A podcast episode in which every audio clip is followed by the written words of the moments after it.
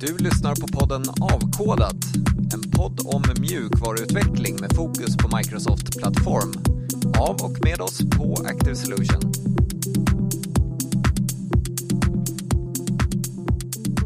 Hej och välkommen! Idag tänkte vi att vi skulle djupdyka lite mer i ämnet unit-testning. Och med oss idag är jag, Cecilia Wirén. Henrik Ebbeskog. Och eh, Viktor Andersson.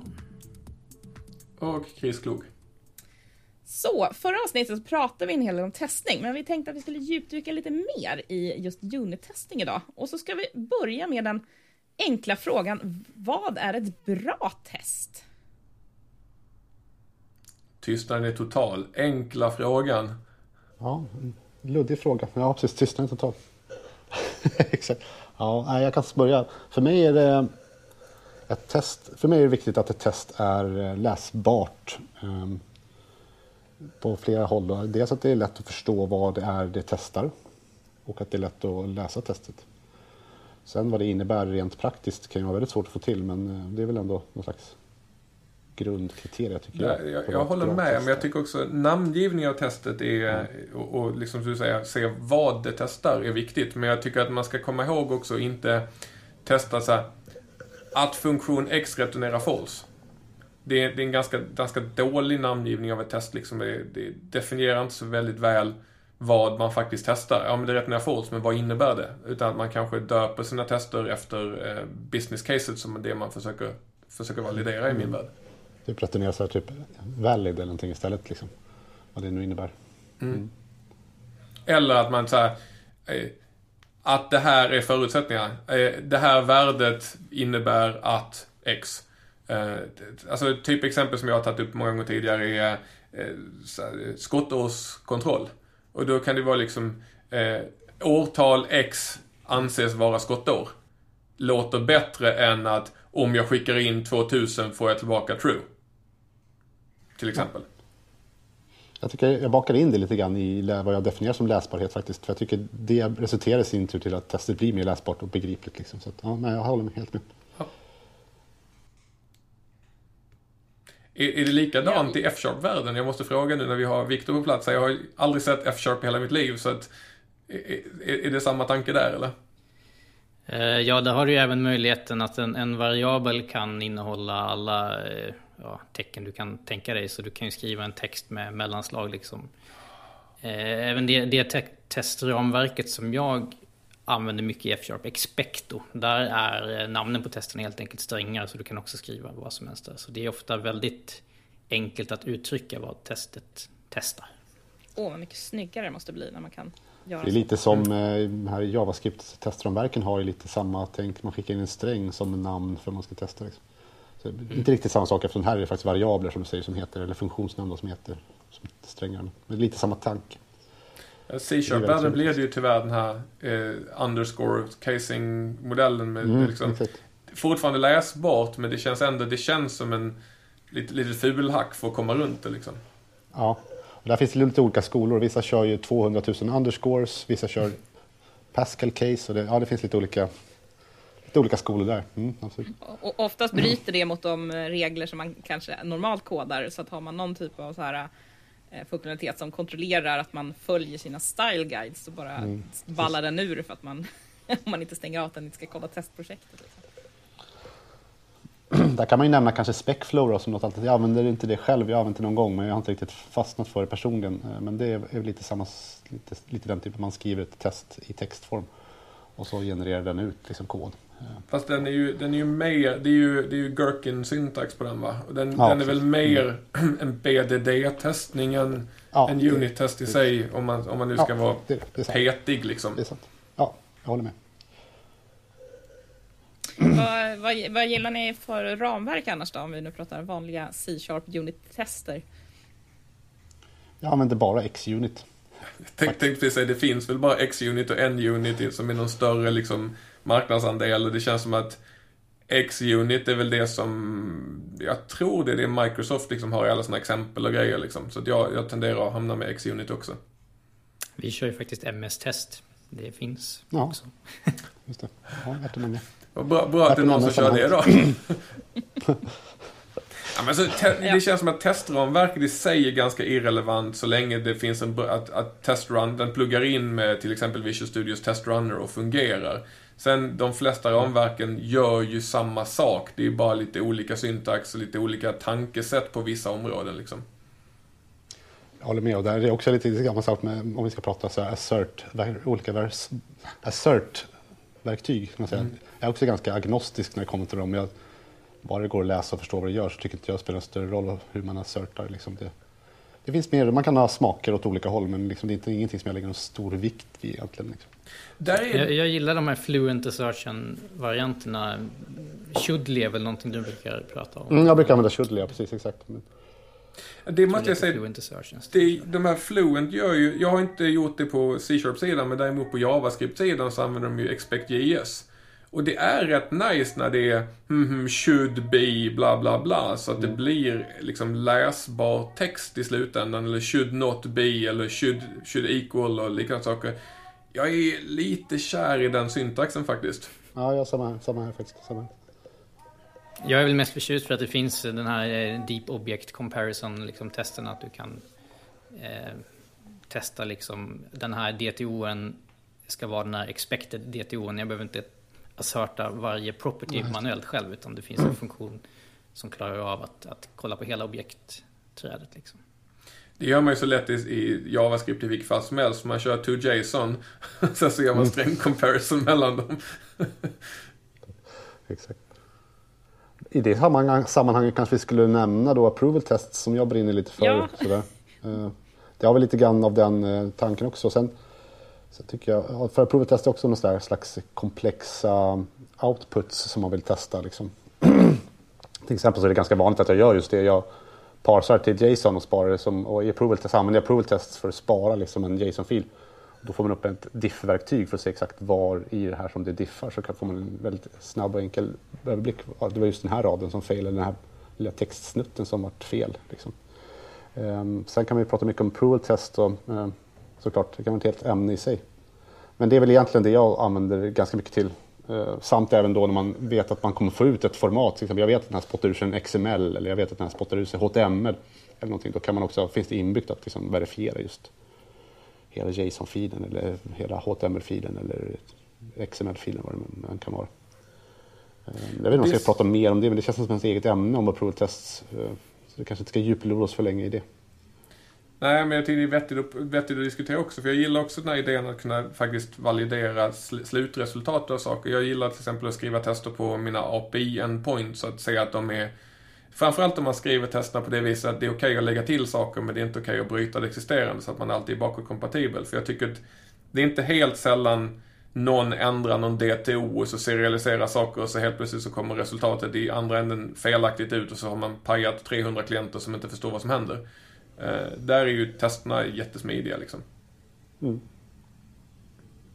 Sen har jag börjat använda själv, om vi pratar lite snabbt bara om provtest. Eh, Det, för mig har det varit en resa till hur man ska använda provtest. Det blir oftast ganska svår, det här med läsbarhet tycker jag ibland att man kan förlora med provtest om man inte gör det helt rätt. Då, eller vad, nu rätt är. Eh, Men jag kan tycka det är trevligt att faktiskt göra mer beskrivande outputs i mina så att säga, verifierbara filer. om Man ska säga att jag skriver så här, det här, givet det här, alltså man kan skriva tester som ser ut så. Att givet de här inparametrarna så får jag ut det här resultatet. Och sen kan man liksom testa det. Det är också ett ganska trevligt sätt att läsa ett test. Lite svårare att sätta upp det så, men eh, jag tycker det kan vara ganska trevliga eh, tester på det sättet. Samtidigt så känner jag... Lite som Specflow kan man säga, men ja. Ja, men då har man väl, man har ju fördelen att man, man i alla fall i teorin kan ta med sig de testerna till verksamheten och fråga, stämmer det här? Ja, men exakt. För att det går exakt. att läsa. Exakt, man skulle kunna kluddra ner någonting på ett papper och så, så skriver man över det till Notepad eller någonting, vad man nu vill göra. Och så, och så kan man liksom få ett test som ser ut så här. Så försöker man liksom bara skapa ett, en output som, som stämmer överens med det då. Och, eh, så, ja. Det är Och Lite, det- lite knixigt. Det är ju där Gherkin-syntaxen kommer in. Att det är ju tanken är att det är given when then baserat på liksom ren text. Och så skriver man verkligen testerna på det viset. Och så med att i, i C-sharp-världen så skriver du ju små blobbar med text som är given that bla bla bla and that bla bla bla then bla bla bla. Och det, den sträng, de strängarna verifieras sen mot attribut som sitter på olika klasser som gör olika saker. Det är en ganska smooth lösning. Sen tycker jag i och för sig att det här med att verifiera API endpoint så att de returnerar rätt svar. De testerna är för mig mindre intressanta att säga att de är rätt namngivna och att de liksom visar något business case eller någonting. För för mig är de verkligen verifierat att det är rätt saker som kommer ut. Det, det, är inte riktigt samma sak med namngivningen för mig som det är med unit-tester där liksom, här testar jag en businessregel. För de testerna för att validera att det är rätt JSON som kommer ut, det är egentligen ett, ett end-to-end integrationstest som validerar att det är rätt format på slutresultatet. För, och det är inte ett businesskrav i sig liksom. Eller en businessregel. Sen säger jag inte att man ska nöpa dem hur som helst och det är trevligt med bra namngivna tester som sådant. Men eh, jag, jag, ser skillnad på testerna liksom att när man kommer till desto längre ifrån unit-tester man kommer och integrationstester är väl typ den sista änden liksom, eller approval test. Desto mindre viktigt blir dokumentationsdelen av det eh, för, från ett liksom business use case grej. Liksom att här är, här är en businessregel som testas och här är en annan businessregel som testas. Men det är kanske bara jag. Det känns jobbigt att Viktor sitter och bara ler. Jag bara känner hur han liksom så här internt bara, jag vill bara ragea mot hans uttalanden. Nej, nej, då hade jag rageat. 100% code coverage. Nej. Säg om det. Vad ska vi inte testa då? Ja, men alltså, helt ärligt, om du, om du sätter igång och gör auto properties på en DTO till exempel och bara har get set på dem. Du får inte 100% code coverage om du inte testar både get och set på den propertyn, vilket är helt meningslöst. Och det är, ja, det är därför jag ragear mot sådana som... Vad skönt det är att vi pratar svenska, för nu kan inte Uncle Bob komma och döda mig, men jag, jag får ju nog, alltså Uncle Bob uttalade att 100% test coverage is not the goal, it's the outcome of TDD. Och, och visst, det är ju det är ett vettigt uttalande som säger, det är, det är sant. Kör man strikt renhårig liksom TDD så ska du ha 100% test coverage i slutändan. Men helt ärligt, finns det någon vinst i att testa dina auto-properties? Eller att du validerar saker som du liksom kan titta på. Att det är en funktion som tar in en parameter och sätter en variabel baserad på den parametern. Är det verkligen värt att skriva test på? Nej, move along. Tack. vi fortsätter. Nej, men jag har väl en slags grundregel att jag försöker, när det finns logik så skulle jag väl vilja ha tester på det. Så kan man säga. Sen, sen kan jag erkänna att jag kanske inte alltid har det, men det är väl någon slags gyllene regel att skyfflar man bara data så finns det kanske inte så mycket logik i det, då behöver man kanske inte testa det heller. Men så fort det är en if-sats, kanske en eh, iteration över någonting, så finns det en logik där som kan vara bra att testa, att den funkar som man tänkt sig. Det är, det är lite den eh, modellen vi jobbar efter i, det kundprojekt jag nu. Där, nu har vi haft den här bra möjligheten till ett greenfield-projekt, som vi, delen som vi bygger. Så då har vi kunnat, vi har brutit ut all, all domänlogik till eh, att bara ligga i princip kan man säga statiska funktioner som tar en input med den data som domänlogiken behöver och man får en output som kan vara ett command eller en event som ska ut på en servicepass eller en DTO som ska sparas till en databas. Och det blir eh, väldigt enkelt att testa då, väldigt enkelt att resonera kring eh, domänlogiken. Och så slipper vi allt det här med mockning som eh, ofta ställer till det vi testar. Det är det som många tycker är så jobbigt. Man måste sätta upp en mock. Man måste verifiera mocken efteråt. Eh, det är också inte helt säkert att den mocken man har satt upp, att man har satt upp den så som den verkliga implementationen sen är implementerad. Så det finns mycket problem med mockning. Ska vi bara för de lyssnare som inte råkar veta vad mockning är, ta en liten specifikation på det? Är det någon som är sugen som använder det? Ja, jag alltså, använder mockning. Så jag får väl kanske, jag kanske får stå för, för, för, för det då. Nej, men det är väl som, som ordet säger, att mocka betyder att, uh, ja, är inte det så lite förlöjliga på engelska också kan man säga, men man låtsas vara någonting annat kan man säga, än mockningar. Alltså kod som man skriver som låtsas vara annan kod. Vilket man ibland kan behöva då i form av om det, om det finns då beroenden eh, emellan så, så vill man helst då liksom låtsas vara det här beroendet. Och det finns för och nackdelar, precis som Viktor var inne på så tycker jag det finns för och nackdelar. En fördel kan vara att man kan, eh, har man då, Viktor förordar en slags icke-skiktad lösning då antar jag, i det här läget. Som inte kan, men är man i en arkitektur där det kanske är då väldigt vanligt med, man har ett repository-lager, man har ett service-lager och så har man en controller, man har liksom typ tre, fyra lager kanske. Då är det ganska skönt att kunna kanske mocka bort repositoriet Liksom, och slippa sätta upp en databas. Utan liksom, givet att jag anropar det här så vill jag för mitt test nu testa att om den returnerar här. Och då finns det precis som Viktor var inne på, det finns ju nackdelar med det för jag kanske gör vissa förenklingar som gör att det liksom, testet inte riktigt stämmer överens med verkligheten för det är inte ett scenario som kanske kommer, kommer att kunna uppstå ens. Det är ett problem. På fördelssidan kan jag då tycka att eh, man kan ganska snabbt sätta upp ett kontext som verifierar en bugg. Att när det här repositoriet gör exakt det här så kan jag liksom eh, snabbt låtsas göra det.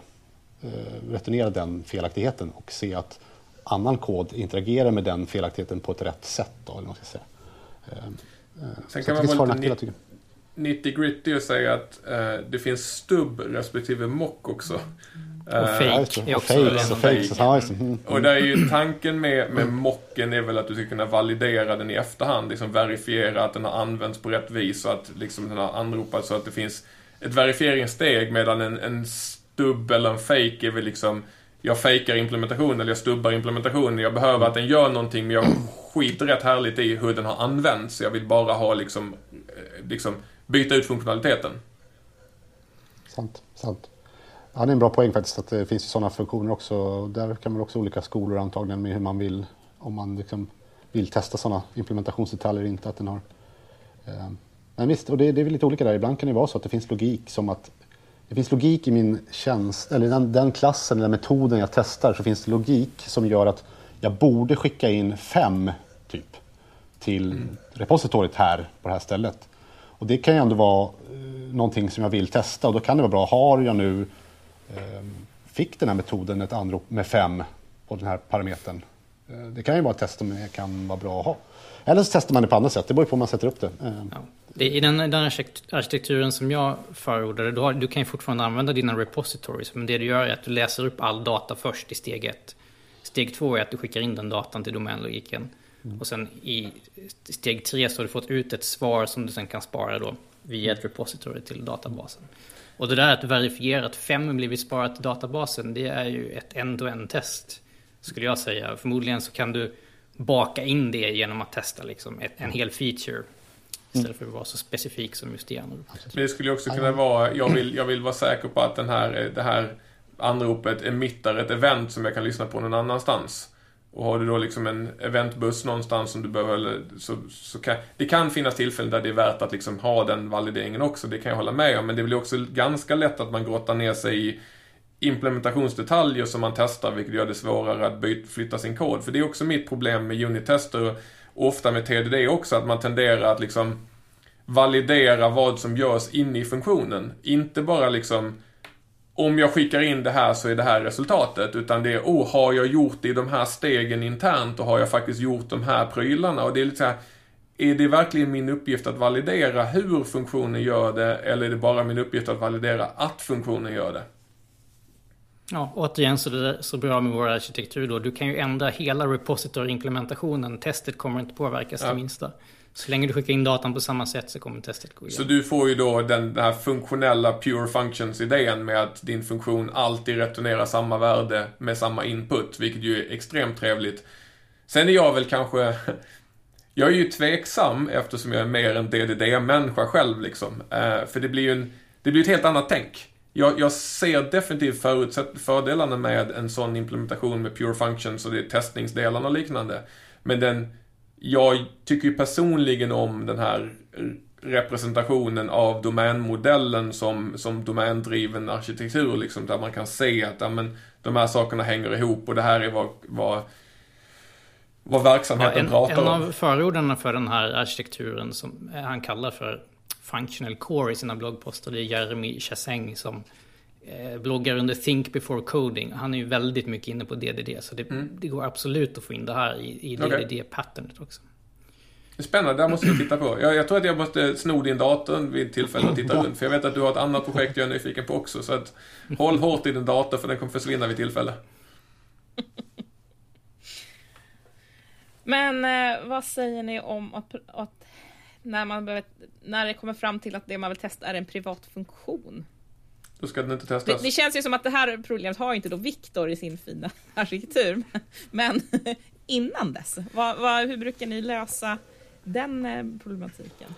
Alltså helt ärligt så... Ja, förlåt. Prata, kör du. Kör du. den, den, alltså, ja, sorry. Min, min definition på det är att en privat funktion ska inte testas. Det är en implementationsdetalj. Den är privat för att den är, används internt i din klass.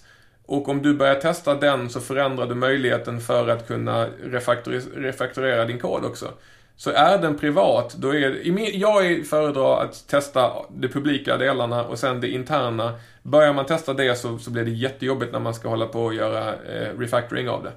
Det andra alternativet som finns annars är ju att helt enkelt köra det till en internal istället och sen internals visible to som känns som ett jättehack deluxe. Alternativt göra den protected och sen ärva den. Um, Eller bara göra publik. Ge upp. Ge upp. Fast den är, ju, den är ju privat av en anledning. Det är ju liksom... Ja, det är väl mer, och många gånger kan man göra privata versioner för det är så här, ja, det är ju bara den här klassen som ska använda den. Ja. Det kanske egentligen inte är så att det liksom, om någon annan, någon annan råkar vilja ha, använda den så gör inte det någonting. Det är bara att det makes no sense att någon någon annan skulle vilja använda just den här funktionen. Men då är det lite grann som, om det, bara är din, om det bara är din klass som använder funktionen, då kommer den ju användas av någon form av publik metod som du kan testa. Och testar du då den publika metoden som under huven använder den privata metoden så blir den ju per definition också testad att den fungerar. Utan problematiken att du sen bestämmer dig för att oh, den där funktionen hade varit nice att dela i två funktioner eller döpa om eller och så vidare. För det, samma ögonblick som du gör det så, ja men, oj nu måste jag skriva mina tester också och nu liksom, ja. Ja men det kan ju finnas en vits med det för man kan ju, det kan ju vara väldigt mycket mockning eller beroenden i den där funktionen. Eh, framförallt om vi pratar legacy-kod nu där man liksom kanske inte kan välja och bara slänga allt man har gjort och bygga om. Men, men, och då kan det ju vara väldigt trevligt att, att kunna testa direkt på, på det där lilla. Det, är en bra det som verifierar att vi har rätt format på ordernumret mm. och med bokstäver och siffror eller vad det nu kan vara till exempel. Vi kommer in på jag håller också med kritiskt stort där. Förlåt. Nej, jag tänkte på om vi ska ta, jag som inte är med eller TDD-förespråkare, så när jag skriver tester på det sättet att man tar, skriver testerna först, då har jag en angreppspunkt som är att det jag vill testa nu eh, ser jag som att det är kod jag inte kommer kunna komma åt. För jag låtsas att det här är kod jag inte själv har skrivit ännu. Jag låtsas vara någon slags klient av min egen kod om ni förstår vad jag menar. Det här, så jag, jag tänker mig att nu håller på att skriva ett API här. Jag vill göra någonting så utomstående. Hur vill jag använda det här? Och det är så jag skriver testerna. Och det är precis som Chris är inne på. Det privata vill inte jag, ska, jag kommer inte skriva tester för det. För det är liksom vad du gör. Jag skiter i det. Jag är ute efter att jag vill uppnå det här. Gör det åt mig. Och så vill jag se att du gör rätt. Um, och då kommer vi in i lite grann, vi har inte pratat lite grann riktigt om det här med Red Green Refactor då, um, som är en pattern i, inom TDD. För jag tycker att, jag kan ta det snabbt, vad Red Green Refactor är att man först skriver ett fallerande test. Sen gör man vad, man, vad som helst. Enligt TDD-förespråkarna så ska man göra precis vad som helst. Du får fuska precis hur mycket du vill, men du ska få testet att gå igenom. Om det handlar om att returnera en true så ska du bara, då returnerar du true. Um, och sen, sen kommer man in då i refaktureringsstadiet eh, om man kom, har kommit längre att den bara returnerar true såklart. Utan då har man kanske ett ganska komplex kod som man känner att det här skulle jag kunna bryta ut i en funktion. Och då kommer det ut, kommer in en private. Men jag ändrar inte mitt test. Jag har ju bara lyft ut grejer som ligger i min, som jag tycker ser fult ut då, då i min kod. Lyfter ut det. Jag behöver inte ändra testet någonting för input och output är samma. Det var brutit ut det. Sen kan man komma i scenarios, kan jag känna ibland. Och då kommer vi inte in på det som du sa Cecilia. Att eh, det kan kännas som att den här privata metoden, den skulle jag egentligen vilja testa separat. Den har, den har ganska mycket godsaker som jag skulle liksom vilja verifiera. Då kan jag faktiskt ha en approach där jag bryter ut det i en egen klass som får vara någon slags AI, bla bla bla, med ett interface som jag sen då en kanske utility. mockar. Eller, eller kanske bara använder den riktiga instansen sen i slutändan. Det får man om man inte ens behöver mocka den. Um, Precis, men det är lite en svår avvägningsfråga där om man verkligen ska göra det eh, eller inte. Men det kan vara en signal som jag har att min privata metod har varit väldigt, väldigt central. Då kan man tänka att det finns någon slags separation of concerns kanske här som ligger och lurar. Att ska den här metoden verkligen hålla på med de här väldigt specifika sakerna? Du kanske har en klass som ska göra det här åt mig istället och så kan jag testa den separat som har sitt API som jag testar. Eh, då behöver ju liksom mitt, mitt ursprungliga test behöver inte heller hantera, den bryr sig inte utan den, ja, lite så försöker jag se på privata metoder. Att det, liksom, det, är, en, det är en utkomst av en refakturering. Sen har vi som du säger Cecilia legacy-koder och hur man förhåller sig till det. Det är en annan diskussion. Det är kanske inte lika lätt att ja, man ska göra. ja, det är väl mina five cents som man säger. Men jag, jag, jag, jag sa ju det redan från början, jag tycker definitivt det är modellen att gå på. Det, det blir också ganska tydligt om man säger att om mina tester dessutom ska vara dokumentation för hur min klass fungerar, så är det ju bara, behöver man ju bara dokumentera publika saker. Det är ju, finns ju ingen anledning att dokumentera interna saker eller privata saker för att användaren av min kod ska kunna använda den. Och det är väl det sättet jag ser på det, att när jag skriver mina tester, ja men jag vill se mig själv, precis som, som, eh, som du sa där, att jag ser mig själv som en klient av min egen kod. Jag, mitt test är en klient som använder min kod. Är det någonting som är privat där inne? Ja, alltså helt ärligt. Ska jag vara helt ärlig, det har funnits scenarier där man behöver göra saker som är privata, men re reflection är fantastiskt. Det är ingenting som hindrar dig från att köra reflection i dina tester om vi ska vara helt ärliga. Ja, det är, precis, det är också en lösning. Exakt. Du, säger, du sa där att det kanske inte behöver dokumenteras om det är privat. Det är väl det som jag kanske inte håller med om riktigt. Det kan ju vara så, men det är kanske också ett legacy-sammanhang. Att du byter ut någon del långt ner som har väldigt avancerad logik och det skulle... Det blir tydligt om man kan skriva mm. tester för att dokumentera precis den biten. Det, det kan men, hända. Eh, men på det stora då... hela så testar jag sällan privat. Nej, men som sagt man säger, nej, också, jag är rätt pragmatisk i det. Jag, jag, jag säger lite på skoj så här, det, reflection är fantastiskt, men helt ärligt är det så. Det, det går att använda reflection för att göra rätt mycket saker, även för testning. Det känns jättefult i vissa fall, men har du scenarion där vissa saker inte har en publik setter eller whatever, du behöver uppnå ett specifikt state, och det är mycket lättare att komma till det statet än att blanda in 611 andra saker. Jag har inga som helst problem med att dra igång lite reflection och, och sätta om saker så att jag, om jag vet att det är förutsättningar som jag behöver kunna testa liksom. En eh, metod som jag har använt ibland också, inte jättestolt över det, men det händer. Eh, det är att man låter sin testklass ärva av den mm. klassen man testar. Och sen kan man börja byta ut private mot protected så får man lite samma utifrån sett så får man samma skydd då i koden så att säga. Det är ingen som kommer se den om man eh, gör en new på den. Men i testet då, som jag ärver av den, så kan jag ändå testa den där protected-metoden. Det är väl liksom... ett pattern ifrån den här Working Effectively ja, det är väl code, eller någon av de där böckerna stämmer, tror jag. Det stämmer, det kommer från den. Så det är väl, ja eftersom den står där så får man anse att det kanske är hyfsat... Eh, det finns en liten nedsidan med just det, det patternet att göra om det till protected som, som är intressant att diskutera också. För jag vet att eh, så sent som häromdagen så såg jag någon som tyckte att eh, att göra sealed-klasser eller internal grejer eller och så vidare i, i Microsofts API-klasser var, var, var skit liksom. Varför kan inte Microsoft göra saker så att jag kan ärva dem? Eller varför, varför är det sealed? Eller varför har ni gjort den här prylen så att jag inte kan skriva över den och så vidare. Och så här, där vet jag att det kanske är lite grann en undanflykt, men deras svar vid något tillfälle när vi har diskuterat det har varit att samma ögonblick som vi inte gör en klass sealed och samma ögonblick som vi gör någonting protected så måste vi också testa det så hårt så att någon som ärver vår klass inte kan förstöra någonting genom att ärva den och modifiera den till en punkt där det blir fel. Och det blir lite grann, där blir samma sak, att samma ögonblick som man går från från en private till en protected så har man öppnat upp det här hålet av att någon kan gå in och modifiera saker som det inte är tänkt. Sen är vi vill ofta i liksom i, i vår värld jobbar vi med en kod, kodbas där det är vi och våra kollegor, så det är kanske inte är ett jätteproblem. Men jag kan ju se ett, ett företag som Microsoft, eller om du kör en, om du har ett eh, publikt Nuget-paket eller någonting, att någon ärver och overrider någonting och sen blir skitförbannad för att det inte funkar. För att, ja men du gav ju mig den här extension pointen och nu har jag använt den och det funkar inte. Så det finns ju en liten, liten tankeverksamhet med det här med vad gör vi protected, vad gör vi internal och så vidare som, som man bör ha i åtanke där också innan man börjar öppna upp saker. Annars är allting är public är jättebra, men det är lite grann JavaScript-modellen. Oj, om det är, det är underscore före namnet så är det private. Jag tycker att det, liksom är, det är väl sista utvägen jag skulle ha till någonting, att jag skulle sätta, att jag skulle ärva det i min testklass och sen ja. köra protected. Jag tror att det är den sista utvägen jag skulle göra jag känner då, har jag utrönt alla andra sätt och kommit fram till att det är, är det mest säkra sättet att göra det på. För oftast handlar det då kanske också om att man är i ett läge där man känner att det här är ganska känslig kod som jag inte vill förändra på något sätt i produktion. Alltså man känner sig lite osäker. Ja. Då kan det vara ett sätt att jag vill verkligen inte pilla för mycket här omkring och flytta runt på saker för jag vet inte jag kan ju lyckas eh, strula till någonting här som gör att det inte funkar längre i produktion sen. Då kan det ju kanske vara ett sätt, liksom. men annars försöker jag nog att lösa det på andra sätt än att göra så. Och sen kan jag väl säga att fulhack är helt okej okay så länge de funkar. Alltså, Ja, lite så. Ja.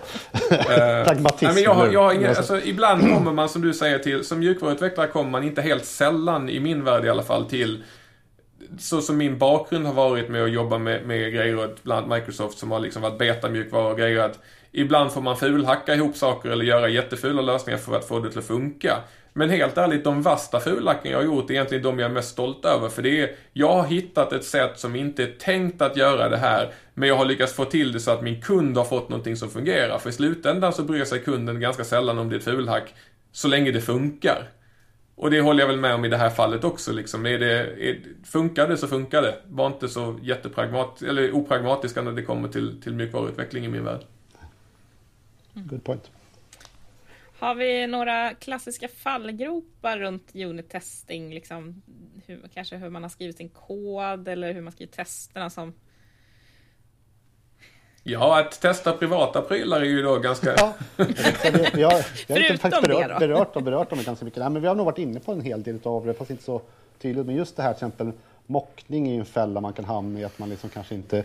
Det handlar väl, alltså, att skriva bra tester är ju en lärdom i sig faktiskt. Ska jag säga. Det är som att lära sig programmera igen. Att lära sig vad som är ett bra test och rätt nivå. Det är jättesvårt faktiskt. Namnsättning och allting. Men, så man kan hamna i alla de där fällorna. Liksom att namnsättningen är inte speciellt läsbar. Liksom man, väldigt mycket setup för att få igång ett test. Vilket gör att den inte är lätt att förstå vad vi ens testar. Ehm, och så vidare. mockningsscenarier som blir jättekrångliga och knepiga. Och så så det, det finns ju massa fällor att hamna i. Att man, precis som Chris har varit inne på också, man testar saker som är liksom egentligen implementationsdetaljer som man då eh, börjar man ändra på det någonstans så, så smäller det ihop, brakar ihop. Ja, Liksom. det tycker jag är en stor eh, grej. Och den kommer lite av TDD tycker jag. Att folk testar för mycket interna grejer. För det är liksom, man får en dopaminkick varje gång man skriver ett test och får det grönt. Så man testar massa interna saker, sen låter man de testerna vara kvar och så är det jättefragilt när man går in och ändrar någonting som inte påverkar liksom en feature ut till Nej. eh, kunden om man ska säga. Sen tycker jag också, jag har väldigt svårt för det här med att man skriver om sin kod för att den ska vara testbar. Alltså det, jag, jag, är, jag är hyfsat fine med att vi, vi gör, använder interface och vi kör depend, dependency inversion och liknande saker för att göra det mer testbart. Men det är inte helt sällan man ser kod skriven där det är liksom, vad gör den här grejen? Nej men det är specifikt för testscenarierna.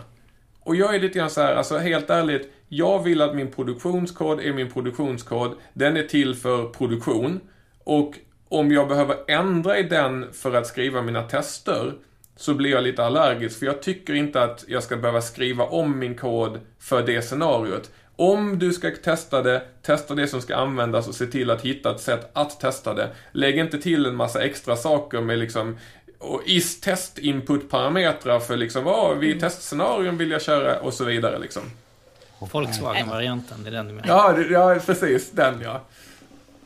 Är det okej att äh, lägga till en till konstruktor i alla fall?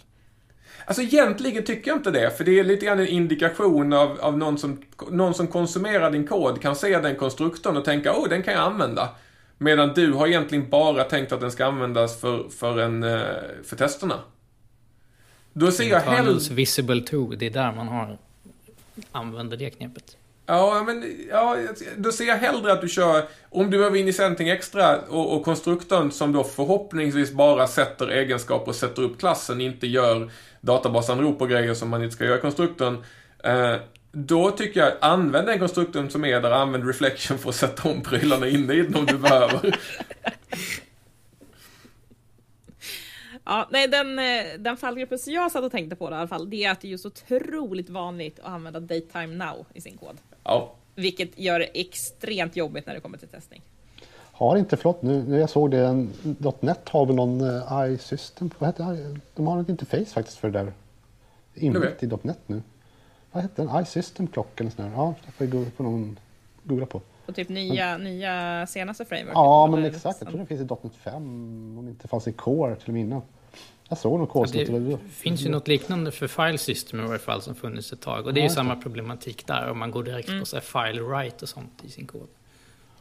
Det tycker jag väl ändå. Och det är ju att tacksamt om Microsoft- det är ju tacksamt att det finns färdiga för det, för jag vet inte hur många hundra s- file system abstraktioner jag har skrivit över liksom mitt liv med Ja, jag ska läsa en fil, ja, vill inte ta en dependent system file IO och så blir det ett lager och vad behöver jag? Behöver jag kunna iterera saker? Behöver jag bara kunna hämta? Alltså, tack gode gud om någon ger en ett färdigt sånt liksom, gärna med någon mockad implementation som man bara kan börja använda också, då skulle jag vara, då är jag happy.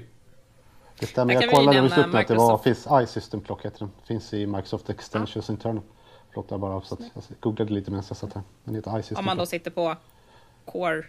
Ja, det här var .NET 5 jag är inne på nu. Men det finns, ja, jag, jag det kan få kolla vidare på det. Men Ska jag vara helt ärlig, det är inte jätte- Det är inte jättesvårt att skriva en egen. Eh, Nej, det är det inte. Det är ett, ett interface med en property där implementationen är returnerad. Och kan man inte då... Nej, ja, du kan ju dessutom göra det med en... eh, Om du har en ny C-sharp-grej så kan du ha default-implementation på ditt interface. Så att du kan bara ha en klass som inte innehåller någonting och så är du klar. Just det. Vi hade faktiskt, apropå det här, om man var pragmatisk då, jag vet inte vad ni tycker om den här. Vi hade nämligen en, eh, på en kund en befintlig kod som hade ganska dålig testbarhet. Eh, där de använde en daytime helper, hade de skrivit en funktion. En statisk klass som var en daytime helper. Som hette eh, get now, eller så hade de någon metod. Eller om det var en property bara som var så här UTC now eller något now bara. Eh, då försökte jag fast att komma runt det här i tester för den används rätt flitigt överallt. Då gjorde jag faktiskt att gjorde en, en dependency som var en, en funk i C-sharp. Som tog in en funk av datetime och så kunde jag då i mina tester liksom eh, bara skicka in att när man vill hämta ut en tid så anropar man den här funktionen som jag då hade injicerat. Eh, och i då produktionskoden så kunde man använda den här datetime helper för det var ju också bara egentligen en funktion som kunde man kunde skicka in till. Jag, Ja, jag gillar så- så den det. modellen stenhårt med funktioner för att skicka in saker. Men kan, vi inte, kan inte alla som lyssnar, kan vi inte komma överens om en sak som jag föreslår nu? Det här är jättebra. Jag säger att det är jättebra. Skapa inte en statisk klass och använd prylar på den statiska klassen. Om ni istället skapar en statisk klass som har en instance property som har default-implementationen av att den returnerar en ny instans av sig själv. Som sen ger er möjligheten att i, om ni behöver testa någonting att gå och sätta om .instance propertyn till en annan implementation så försvinner alla de där problemen och det är inte jättejobbigt att skriva. Jag håller med. Jag, jag är en, en vän av att ta bort alla, nästan nu är jag hård, men som statiska klasser, men nej. Jag har ingenting emot statiska men man behöver göra det på rätt vis. Men, men som sagt Ja, var, om du är en sätt, ja, statisk klass med en property på som du kan konfigurera eller en statisk klass som har en, en eh, factory-metod där du kan konfigurera den statiska klassen till, att- till att konfigurera factory-metoden till exempel, är för mig alldeles fine om du till exempel vill komma ifrån att ja, jag vill inte ha ett stort dependency injection-ramverk liksom i, utan istället så skapar jag en, en factory-klass statisk som är liksom, som jag sen kan konfigurera i startup så att jag, jag anropar class.create och sen så finns det logik där inne som genererar rätt typ åt mig. Absolut. Jag har sett eh, kod som har varit använt, som sen har visat sig använda statiska klasser som sen har beroenden på något sätt till någonting, ett filsystem eller vad som helst. Och då är man liksom rökt när man ska skriva tester kring det. Liksom. Hur ska jag Ja. få bort det här? Det är en statisk klass, jag kan, kan inte mocka, jag kan inte göra någonting. Och då, är han, då, då måste man ju liksom, vi måste ta bort den här statiska klassen och göra om den. Det är, man hamnar i det sitsens där har jag hamnat i alla fall. Så att, nej, jag Det finns väl verktyg som, som mockar statiska Ja. Ja, det klasser. kanske gör faktiskt. Ja. Ja, det kanske finns. Det, det finns ju till och med i Microsoft Test då, för att nämna det en gång till. Ja, Stubbs och fakes heter det. Sitter du i Visual Studio så kan du ju typ högerklicka på en på referensen tror jag till och med säga att du vill mocka bort den. Det får den. funkar dock Sätter inte den upp allting åt dig. Funkar dock inte på alla statiska klasser. Det finns begränsningar för vilka statiska prylar som kan tas bort. Men även där, gör du en refactoring på det där, så kan du ju göra den klassen till att ha en instance-version också och lägga en instance property så att du kan använda den på båda sätten under en övergångsperiod och sen sakta men säkert skriva om din kod till att gå mot instance-versionen också liksom. Det är mitt tips för dagen. Yes. Nu har vi tjatat på i nästan 40 minuter så jag tror att vi vill avrunda här tror jag. Har vi någon som vill säga något sist klokt ord om unit-testing? Allt klokt har sagts. Det var också kloka ord. Så eh, tack för oss denna gång. Hej då! Hej då, hej då.